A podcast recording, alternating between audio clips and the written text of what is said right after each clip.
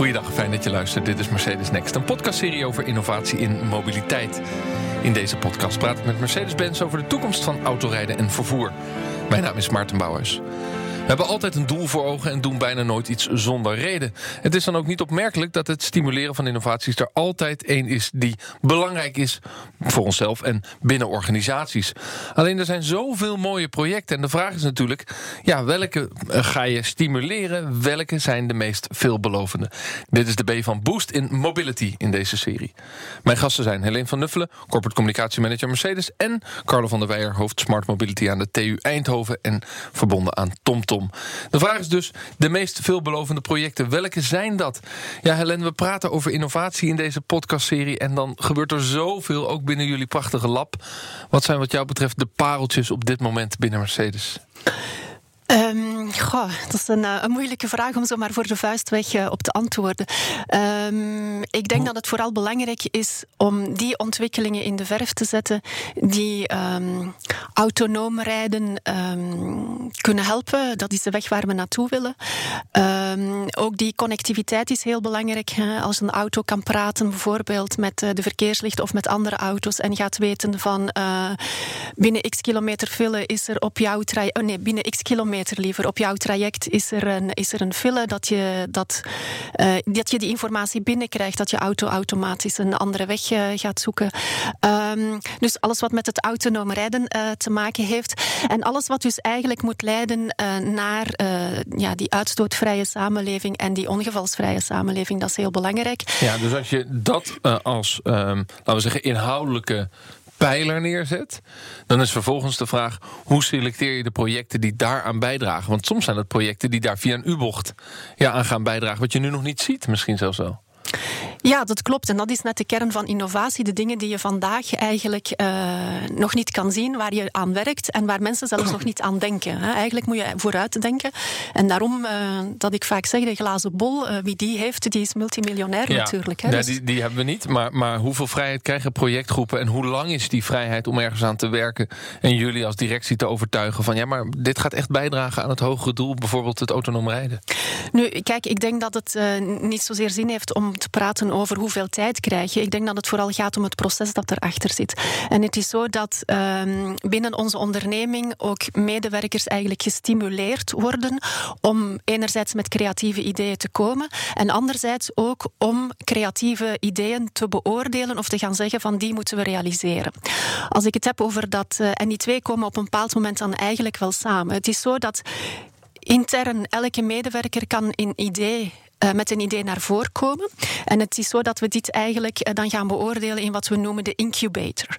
En het is zo dat uh, je met een idee kan komen. Dat idee eh, kan je dan, wordt dan gepitcht. Je gaat dat voorstellen aan een aantal mensen, aan een jury, waarin um, directieleden zitten, waarin externe mensen zitten, mensen die daar iets zinnig kunnen over vertellen. En dan ja, ga je naar de Shark Tank, waar je dat moet verdedigen. En dan wordt beslist van ja, we gaan verder met dit idee of we gaan niet verder met dit idee. waar je het moet verdedigen noemt een, heet een Shark Tank? Ja, ja. mooi. Maar okay. het is natuurlijk wel zo, als, je, als het idee wordt weerhouden als idee, dan kan je naar de zogenaamde incubator gaan, waar je de kans krijgt om jouw idee verder uit te werken. Daar moet je dat allemaal een... naast je werk doen of is dat dan je werk? Dat wordt dan je werk. En je krijgt daar ook uh, al dan niet een crowdfunding uh, actie bij, uh, ook externe partners die jou kunnen komen helpen om het idee te realiseren. En dat en is binnen allemaal die binnen de community van Mercedes? Ja. En binnen die incubator wordt dan op een bepaald moment die learn en uh, learn fast, fail fast wordt dan toegepast om te kijken van oké, okay, gaan we ermee verder of gaan we er niet mee verder? En, en zolang als dit, loopt dit ook twee jaar, dit, dit traject met de incubator en de Shark Tank, of is het al ouder? Uh, nee, nee, dat is ook uh, vrij recent. Ja, ja. vrij recent. Ja. En dat loopt dus nog? En zijn er al pareltjes uit voortgekomen? Of gaat het niet zo snel? Uh, jawel, jawel. Um, even, ja, uh, een van de voorbeelden is, uh, ja, wat doe je met de batterijen uit elektrische voertuigen? Een, een, een uh, batterij in een elektrisch voertuig, van zodra dat die minder dan 80% capaciteit heeft, moet je die er eigenlijk uithalen, want dan uh, is die niet goed meer voor in de auto. Maar een batterij die nog wel op 80% uh, functioneert, wat doe je daarmee? Dus daarvoor hebben we nu een fabriek gebouwd waar al die tweedehands batterijen zeg maar, worden verzameld en waarmee je eigenlijk energie kan leveren aan huishoudens in de buurt. Ga je ook batterijen verzamelen van niet-Mercedes'en? Uh, dat kan op termijn, ja. Op dit moment is het een Mercedes-project. Maar het is zo dat vele van onze projecten uh, ook kunnen uh, gedeeld worden met, met, met andere merken. Een ander voorbeeld is Groove. Dat is een project waar je eigenlijk... Ehm, dat, dat loopt in Duitsland op enkele plaatsen. Waar je je eigen personenwagen kan aanbieden aan derden. Die zeggen van, oké, ik heb voor een bepaald tijdslot heb ik een vervoersmiddel nodig. Jouw auto staat stil. Je biedt jouw auto aan. En dat is bijvoorbeeld een platform dat uh, voor alle merken openstaat. Particulier autodelen ja. is het eigenlijk. Uh, hoe weet je nou welk innovatieproject de automobielindustrie op zijn kop gaat zetten? Wat net al genoemd werd, vind ik wel interessant. En dat zie ik inderdaad ook komen. Dat je daar auto's krijgt die geen ongeluk meer maken, niet meer vervuilen. Of dat het eigenlijk niet uitmaakt welke modaliteit je neemt voor milieu of voor veiligheid. En dat zijn op dit moment nog wel de grote dingen waarom wij allemaal van die auto's af willen. Dus uh, willen we er daar nog wel vanaf? Dat is eigenlijk de vraag. Dan krijg je dus een heel andere discussie. Misschien is de auto nog wel veiliger dan enige andere modaliteit. Omdat de huidige perceptie van een auto is, hij is vuil. Ja, hij maakt, en, maakt, daardoor heeft hij een soort negatief imago. Hij is gevaarlijk, hij maakt ongevallen. Nou, ja. Stel je eens voor dat het daar niet meer zo is. Want ik denk echt dat dat haalbaar is. Of in ieder geval marginaal vervuilend en marginaal onveilig. En uh, als je tegelijkertijd ook nog een keer ziet... en dat vind ik een andere heel interessante uh, trend... is dat die auto eigenlijk nog steeds goedkoper wordt. En um, ja, je, je kunt eigenlijk voor schandalig weinig geld nu al autoreis. Kijk naar die private lease uh, bedragen. Het is dat de mensen er toch veel meer voor uitgeven. Want dat lijkt ook een constant te zijn in de geschiedenis. Dat we altijd rond de 15% van ons budget uitgeven aan mobiliteit. Maar het kan voor veel minder. Dus het wordt goedkoper. En het wordt tenslotte, dat is ook heel belangrijk, nog veel comfortabeler. En dat is dan vooral het autonoom rijden. Want uh, dat vind ik een belangrijk iets. Niet zozeer voor veiligheid. Want ik denk dat niet autonome auto's ook veilig gemaakt kunnen worden. Impliciet veilig. Maar als je auto het, de, de vervelende stukken van de rit van je overneemt. Bijvoorbeeld file rijden. Maar net als een ongeluk maken, kan hij ook van je overnemen en dan zorgt dat het niet gebeurt. Nou, dan wordt het, de hele rit stukken minder vervelend als de vervelende ritten eruit worden gehaald. En dan krijg je dus een, veel comfortabeler systeem dat een keer veel goedkoper wordt en waar eigenlijk niet zoveel op tegen is, omdat hij geen ongevallen en niet, uh, maakt en niet meer vervuilt. Als je dan zo'n systeem krijgt, ja, dat is, dat is wel een heel interessante ontwikkeling waar dan krijgt. Maar dat betekent dus dat je als uh, autobedrijf de innovatieprojecten, ook kleine innovatieprojecten die je wil stimuleren, uh, wat jou betreft aan deze pijlers moet moet ophangen. Ja, ik denk dat, dat aan, aan de, schoon, Aan, aan veilig, aan autonoom. Ja, en ik wil wel even zeggen, want dat, er, is, er is een heel groot probleem wat alleen maar groter wordt dan. En dat is alle ruimte die die auto's uh, opnemen. Dat, is, dat wordt dan veel erger als ze goedkoper, comfortabeler worden en zo. Omdat er dan meer komen? Omdat er meer komen. Kijk, dat autonoom rijden heb ik al eerder gesteld. Dat leidt volgens mij tot meer files. Vooral omdat mensen het niet meer zo erg vinden om in de auto te zitten als er een file is. Mensen gaan de file opzoeken? Ze gaan ze in ieder geval minder ontwijken. En dat is iets anders dan optie. Ja, en, en, en zelfs misschien eens opzoeken. Ze zijn iets minder geneigd om het openbaar vervoer te nemen. Dus ze krijgen alleen maar meer files. En dan moet die file dadelijk uh, de mensen tegenhouden om nog in de auto te gaan. Dan gaat hij steeds minder doen. Dat is een bedreiging voor het hele klimaat binnen een. Uh, in ieder geval voor, de, voor de, de, de, ruimtelijke invulling van je stad. Dat gaat helemaal vastlopen. Dus dan moet je met andere maatregelen toch zorgen dat er iets slimmer met die mobiliteit wordt omgegaan. En dan komen dat soort deelsystemen, vooral voor stedelijke gebieden, wel naar boven kijken, die daar enig soelaas bieden. Ja, de vraag is: heeft Mercedes dit brede perspectief op het netvlies? Ja, absoluut. Ik bedoel, als je bezig bent met nieuwe technologieën, dan moet je de voor- en de nadelen in kaart brengen en zorgen dat je uh, op zoveel mogelijk dingen een antwoord hebt. Nu, wat autonome rijden betreft, heeft natuurlijk ook voordelen. Uh, in die zin dat je auto jou kan afzetten op de plaats waar je je afspraak hebt. En vervolgens gaat hij zelf uh, een parkeerplaats zoeken of gaat hij andere mensen vervoeren. Ik zeg vaak, eigenlijk kan je, gaan we straks naar een wereld waarin je op je twee vingers fluit en dan komt je auto afgelopen, afgereden. Zo. Uh, en dan kan je instappen en dan, uh, dus voor jezelf, uh, zoals, zoals jij daarnet zei, het comfort verhoogt inderdaad. Want in je auto kan je ofwel zelf het stuur nemen, of je kan een dutje doen, of je kan je e-mails nog afwerken, of je kan alvast een reservatie maken in het restaurant van je voorkeur voor s'avonds en ook nog wat reviews van dat restaurant krijgen. Um, maar je kan ook tegelijkertijd zeggen van ja, als ik op een, in de stad ben of op de plaats waar ik moet zijn, ik hoef niet naar parkeerplaats te zoeken. Ja. Want die auto gaat die parkeerplaats dit, zelf wel, dit wel droom, dit droombeeld, uh, dat, daar praten we al jaren over. Hoe, hoe, hoe, ver is dat weg? Want het suggereert namelijk zelfrijdende, autonoom rijdende auto's zonder chauffeur. Ja, en dat, heb ik, dat zie ik nog niet zo snel gebeuren. Want het is eigenlijk om dat samen te vatten, zeker in stedelijk gebied, moet je licht anarchistische aard hebben. Moet je niet altijd de regels volgen, anders kom je niet door Amsterdam of Brussel of welke stad dan ook heen. En dat is heel erg moeilijk voor een zelfrijdende auto zonder chauffeur. Want die gaat zich zo netjes aan de regels houden dat waarschijnlijk heel de stad vol loopt met dat soort redelijk autistische kaartjes. Dus dat vind ik dus, nog. Dus dat, is een leuke analyse. Als je een auto door de stad rijdt, ja. uh, uh, zit daar altijd een beetje menselijke bluff bij. Ja, je, uh, komt, je komt, hier in Amsterdam geen straat over als jij niet af en toe doordrukt. Als jij niet af en toe doordrukt om die fietsers toch even. Ja. En twee computers daarvan kan er niet eentje af en toe doordrukken. Twee computers wel, maar één computer en een, een mens op een fiets. Dat niet. gaat een fundamenteel probleem worden. Ja. Denk ik. Ik, ik, denk dat zo'n zelfrijdende auto hier in Amsterdam zich na een paar minuten zichzelf parkeert en heel hard gaat staan te huilen. Want het, volgens, mij dat die, volgens mij kan hij dat gewoon niet aan. En dan heb je het nog over Amsterdam, dan heb je het nog niet over uh, Italiaanse steden of, uh, of Aziatische steden. Dat, uh, dat, dat je, gaat een zelfrijdende auto probleem worden. nooit tussen de scooters in ja, Napoli als door. Als je het al georganiseerd nee. krijgt, wordt het een erg, erg suboptimaal systeem. En ja. dan, ja, ik maar denk, dat denk, betekent dus dat die zelfrijdende auto is eigenlijk een autonoom rijdende auto met een chauffeur erin, die vooral op de snelweg en de N-wegen ja. uh, de chauffeur ja, ont, ontlast wordt en dus die reviews kan lezen Kijk, van het in de restaurant. stad heeft hij veel te weinig te zoeken. Want zelfs als je een systeem hebt dat iedereen zich af laat zetten door autonome auto's naar weg zou rijden, dan, zou je, dan kun je Amsterdam niet van, met van mensen voorzien. Dat heeft veel te lage capaciteit. Dus uh, de, de fietsprofessor, een waarde collega van mij, Marco de Brommelstoet, die zegt al eens een keer: de, in, een, in een stad wil je geen uh, driverless cars, maar carless drivers. Fietsers en mensen die het openbaar vervoer nemen, want dat heeft een veel hogere capaciteit. En dat past veel beter bij een stad. Dus die modellen van het afzetten en dan weer doorrijden, ja, een klein beetje valet parking en zo, dat zie ik nog wel autonoom gebeuren.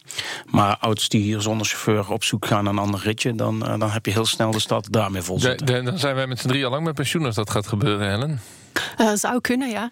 Dat zou kunnen. He, maar hebben jullie een perspectief van wanneer je dat wel dan ziet? Uh, ik kan daar op dit moment geen datum op kleven, ook omdat we daarvoor afhankelijk zijn van, uh, van de wetgeving. En vandaag de dag is er nog altijd een wetgeving die zegt dat er iemand in de auto moet zitten en liefst ook nog met je twee handen aan het stuur. Zeker, dan kan ik alsnog geen reviews uh, checken van nee. het restaurant. nou ja, je kan wel in, in de A-klasse Hey Mercedes vragen om dat opzoekwerk voor jou te doen. Ehm, dus we zijn al op weg naar die dingen. Um, en, en ik denk dat het ook heel belangrijk is om. Uh, de zaken niet los van elkaar te zien. Als we het hebben over autonoom rijden, dan is dat niet alleen die autonome auto, maar is dat ook de auto die praat met infrastructuur, die praat met andere auto's. Is dat ook een elektrische auto? Is dat ook een auto die gedeelde diensten kan aanbieden? En ik denk dat dat de kern van de zaak is, is van alles eigenlijk met elkaar te verbinden en samen te brengen. Je Ja. kan niet focussen op alleen autonoom rijden. Dat, uh, je hebt ik. daar de data bij, Maar, je maar hebt de connectiviteit. als je kijkt naar de innovatieontwikkeling, zijn het eh, deels wel aparte innovatietrajecten. Waarvan je natuurlijk hoopt dat ze in het lab bij jullie eh, met elkaar praten. Hoe, hoe, hoe zorg je nou dat die innovaties uiteindelijk een plek vinden naar de gewone productieauto? Nu, misschien nog even, want je zei daarnet van ze worden apart ontwikkeld. Ik denk dat dat net niet meer het geval is. Dat was in het verleden zo. In de silo's werden alle dingen apart gedaan. Ik denk dat in het geval van wat wij uh, als strategische pijler hebben, CASE, Connected, Autonomous, Shared en Electric, dat de kracht van die strategische pijler net is dat alles met alles verbonden is en dat dingen samen worden ontwikkeld. Ja. Als we vandaag de dag hebben over elektrische auto's, dan denken we bijvoorbeeld ook al na van als je die elektrische auto straks thuis wil laden. Wie gaat dat betalen? Als het een auto van de zaak is, ja, dan gaat de zaak die betalen. Dus dan moet je eigenlijk zorgen dat als je dat laat, dat die factuur automatisch naar jouw bedrijf gaat. Goed idee. Dus in die zin zeg je, kan je niet zeggen van we zijn alleen met de batterijen bezig. Nee, je bent met batterijen bezig, je bent met dienstverlening bezig en je bent met connectiviteit bezig. Dus in die zin is dat één ecosysteem waar uiteindelijk alles zal, uh, zal samenkomen. Ja, en tegelijkertijd is de enige manier om het uh, in de toekomst voor elkaar te krijgen... langzaam kleine stapjes introduceren op auto's. Ja, die dan weer op de markt dag, komen. Dat ja. gebeurt al. Dat gebeurt en, vandaag. En hoe selecteer je dan van... oké, okay, er komt een nieuwe C-klasse, daar gaan we uh, hey Mercedes introduceren. Hoe, wat voor proces eh, gebeurt er dan intern om te zeggen: oké, dit project is nu ver genoeg af en, en kan, kan op, een, op een bestaande auto worden geïntroduceerd? Ja, daarvoor zou je eigenlijk een ingenieur moeten uitnodigen. Die kan jou dat veel beter uitleggen. Maar het is natuurlijk zo, als wij in, in februari trouwens hier in Amsterdam de A-klasse in wereldpremière hebben voorgesteld, was dat de eerste auto waar je mee kan praten met een MBUX of Mercedes-Benz User Experience. En waar je eigenlijk aan de auto kan vragen om dingen, jouw dingen uit handen te nemen. Um, dit is Veel verder dan wat ik in mijn auto kan, dat ik op een knop druk en dat ik dan zeg: uh, uh, zoek op uh, telefoonnummer, dat, dat hij gaat bellen. Dat, dat, dat zijn, kan allemaal dat zijn lang. handelingen die je nog zelf moet doen en die jouw aandacht van de weg afleiden. Ja. Als je het gewoon kan zeggen, en de auto doet voor jou de actie, dan kan jij je concentratie op de weg blijven behouden. Ja. Uh, en dat is heel doelbewust geweest om dat in de A-klasse, in de compact car, uh, te introduceren. Omdat uh, gesteld werd van, kijk, de compact cars of de A-klasse, die daar uh, het ultieme voorbeeld van is, um, die richt zich specifiek tot jongeren. En jongeren zijn met die dingen bezig. Dus zij worden daar veel meer door aangesproken dan dat bijvoorbeeld te implementeren in de S-klasse, wat het vlaggenschip is van Mercedes-Benz en waar altijd de laatste nieuwe snufjes op technologisch vlak werden geïmplementeerd. Maar dus dat is ook een fundamentele verandering binnen Mercedes, dat je niet meer de laatste technologische snufjes in de duurste auto introduceert. Nee. Nee, helemaal niet meer. De MBUX, de User Experience of de Hey Mercedes. Uh, bel mijn moeder, zoals ik daar uh, al een keer gezegd heb, of zoek mijn telefoonnummer van restaurant X. Dat is uh, exclusief op dit moment Ja. in de, in de Nou. Carlo, dat is grappig, want dat is wel heel klassiek in de auto-industrie. Ja, eerst in Iets de zit eerst in de S-klasse, in de 7-serie, in, eh, noem ze maar op. Ja, en daarna klopt. rolt het zo langzaam eh, naar Ja, beneden dan, dan toe. kreeg je volume, daardoor werd het goedkoper, daardoor rolde het naar beneden toe Ja. en eh, kwam het uiteindelijk. Dat is met, met mistachterlampen, weet je. Die werd, vroeger schroefden we die erop. Achteruitverwarming plakten we nog op onze achteruit. Nou, dat kun je nou niet meer bedenken. Zo oud ben je toch ook niet, Carlo? Jawel. ja, Maar- we hadden nogal uh, oude auto's vroeger. Maar nee, dat is inderdaad. Het, vroeger was het al in de duurste en nu zie je het in de hipste. Misschien omdat daar wat meer vergevingsgezindheid is. En dat in het verwachtingspatroon van de jongeren, die dan in die A-klasse rijden, inderdaad wat anders is. En, en dat je Ja. dat beter daar experimenteert dan naar boven doen. Dat is een, dat is een trendbreuk. Een ja. interessante trendbreuk. Ja. De, ehm, even terugkijken naar innovatie en de selectie van projecten die uiteindelijk die auto-industrie gaan veranderen. Nou, we hebben een aantal pijlers neergezet. Hè. Het, het gaat waarschijnlijk schoon worden. Het wordt schoon hopelijk. Het, het gaat dan dus een ander imago krijgen. Het gaat veilig worden. Veilig, ja. Eh, eh, maar het wordt dus ook drukker op de weg. Ehm, ehm, is er nog een ander type ontwikkeling in die auto-industrie waarin je zegt, ja, daar zullen de automobielfabrikanten op moeten inhaken, want anders ja, gaan ze afhaken, gaan ze een concurrentiestrijd verliezen. Gaat het over ele- elektrisch bijvoorbeeld? Ja, elektrisch wel. Het zijn inderdaad die vier dimensies die net al genoemd werden. Case, hè, connected, autonomous, shared en electric. Daarvan zie ik inderdaad electric snel komen. Niet zo, ik denk nog niet eens voor het milieu. Ik denk, ik denk dat hè, de uitlaatemissies doen er al niet meer zo toe, volgens mij. Dat is met een beetje bouwde Waar uitspraak. gaat het dan nog om? Eh, elektrisch is- gaat komen omdat het goedkoper is. Je hebt in een elektrische auto ongeveer 200 essentiële componenten, laat ik het zo noemen. Dat zijn componenten dat als ze kapot gaan, dat je vroeg of laat wel even naar de garage moet. Ja. 200 essentiële componenten, waarvan er maar een stuk of, afhankelijk of je twee of vier aandrijving hebt, een stuk of 20, 30 bewegen. Bij een conventionele auto heb je 1400 essentiële componenten, waarvan er 900 bewegen, roteren of oscilleren. En dus ook allemaal kapot kunnen gaan. En dat is eigenlijk de essentie. Dus als je, nu zijn de aanschafprijzen nog behoorlijk. En ik weet ook uit ervaring dat als je helemaal rijdt in een elektrisch voertuig, dat eigenlijk wel de grootste kosten voorbij zijn. Dan moet je banden nog af en toe vervangen, eruit wisselvloeistof. Maar, de, maar de draaiende delen, omdat het er ook zo weinig zijn, Ja. en de essentiële delen, omdat het er zo weinig zijn, gaan eigenlijk niet kapot. Die gaan heel weinig kapot. En dat, dat zie je ook elektromotoren En als je nou de ervaring hebt met de, met de Tesla, mag je dan nog de bouten aanname doen dat als Mercedes of BMW zo'n auto bouwt, dat die componenten ook beter zijn dan bij Tesla? Eh, dat zou zomaar kunnen gebeuren, ja. Omdat die natuurlijk 100 jaar ervaring hebben met het bouwen van auto's. Inderdaad, het is, een, het, is, het is een prototype made in America. Dat zijn met alle respect twee dingen die je normaal niet in de folder zet. made in Germany en well designed, dat, eh, dat staat dan misschien net iets beter. Dus als, als dat daarop komt, ja, dan kunnen er mooie dingen gebeuren. Eh, en, en dat betekent dat de hele onderhoudscyclus van een auto ook gaat veranderen. Ja, dat klopt. Het is ongeveer, eh, dat- en dat is ook weer voor de dealers heel belangrijk. Want een elektrische auto heeft nog geen 40% van de onderhoudskosten en omzet. En daar is het meer banden en dat soort werk dan een eh, conventionele auto. Dus er komt ook veel minder naar de garage toe. En nu zijn vaak de businessmodellen van nou laten we die auto met wat verlies verkopen, dan hebben we ieder geval het onderhoud. Ja, dat, dat ga je daar kwijtraken, dus dat moet je anders doen. Dus dan moeten ze weer, en dat zie je nou de, de innovatief wil doen, dan moet je diensten gaan doen. Kun je die auto's niet gaan flexibeler gaan inzetten. Als jij weet dat die auto, en dan komt het weer op die data terecht, als je weet dat die elk weekend stilstaat. En iemand anders heeft een auto die alleen maar in het weekend gebruikt wordt. Nou, degene die dat weet, kan die twee modellen aan elkaar koppelen. En ja, daar verkoop je wel een auto minder. Ja, verkoopt minder, maar dan... Kijk, eigenlijk verkoopt een automobielfabrikant kilometers en niet zozeer auto's. Hè? Dus dat maakt niet zoveel uit? En dan maakt het even iets minder uit. Als je toch in die private lease constructies bij je kilometers aan het verkopen. En ja, dat, dat kun je veel efficiënter doen als je die data weet. En dat soort modellen kunt aanbieden. Ja, de elektrische auto's. Eh, betekent dat alle lijnen van Mercedes over tien jaar... Ehm, elektrisch zijn of elektrische variant hebben? Of hoe, wat is het perspectief? Het is zo dat wij de bedoeling hebben om tegen 2022 tien uh, batterij aangedreven elektrische voertuigen op de markt hebben. Uh, verdeeld over het uh, volledige gamma. Dus een, een SUV, een, een kleine compactwagen. Het gamma is heel breed, hè? dus dat is ongeveer 10% van, van het gamma. ja, ja. ja. Um, tegen 2022, dus op zeer korte termijn. Um, en natuurlijk, naast of als we het hebben over elektrische voertuigen of elektrische aandrijving, dan heb je daar eigenlijk verschillende niveaus in. Hè. We hebben het vandaag de dag vooral over batterij aangedreven voertuigen. Maar je hebt vandaag natuurlijk ook nog uh, de plug-in hybride voertuigen. Dus de combinatie ja, van een elektromotor. Dat is toch een uitstervend ras. Maar alles zit in een transitiefase. Ik heb, ik heb een plug-in. Ik, ik kan 30 kilometer rijden met, met de elektromotor. Dat schiet er echt niet op. Ja, goed, maar ook die plug-in hybride technologie die gaat evolueren. En uh, de range uh, voor elektrisch te rijden die gaat ook toenemen. Um, ik denk dat het vooral ook belangrijk is bij plug-in hybride. Enerzijds, het is een transitietechnologie, omdat we streven naar volledig elektrische voertuigen. Um, maar ten tweede denk ik ook dat plug-in hybride um, een, een belangrijk middel is om eigenlijk de mindset uh, van de mensen voor te bereiden op elektrisch rijden. Want vandaag de dag de batterijen en de rijkwijde van de batterijen wordt alsmaar langer. Maar in het begin sprak je over 100, 150 kilometer.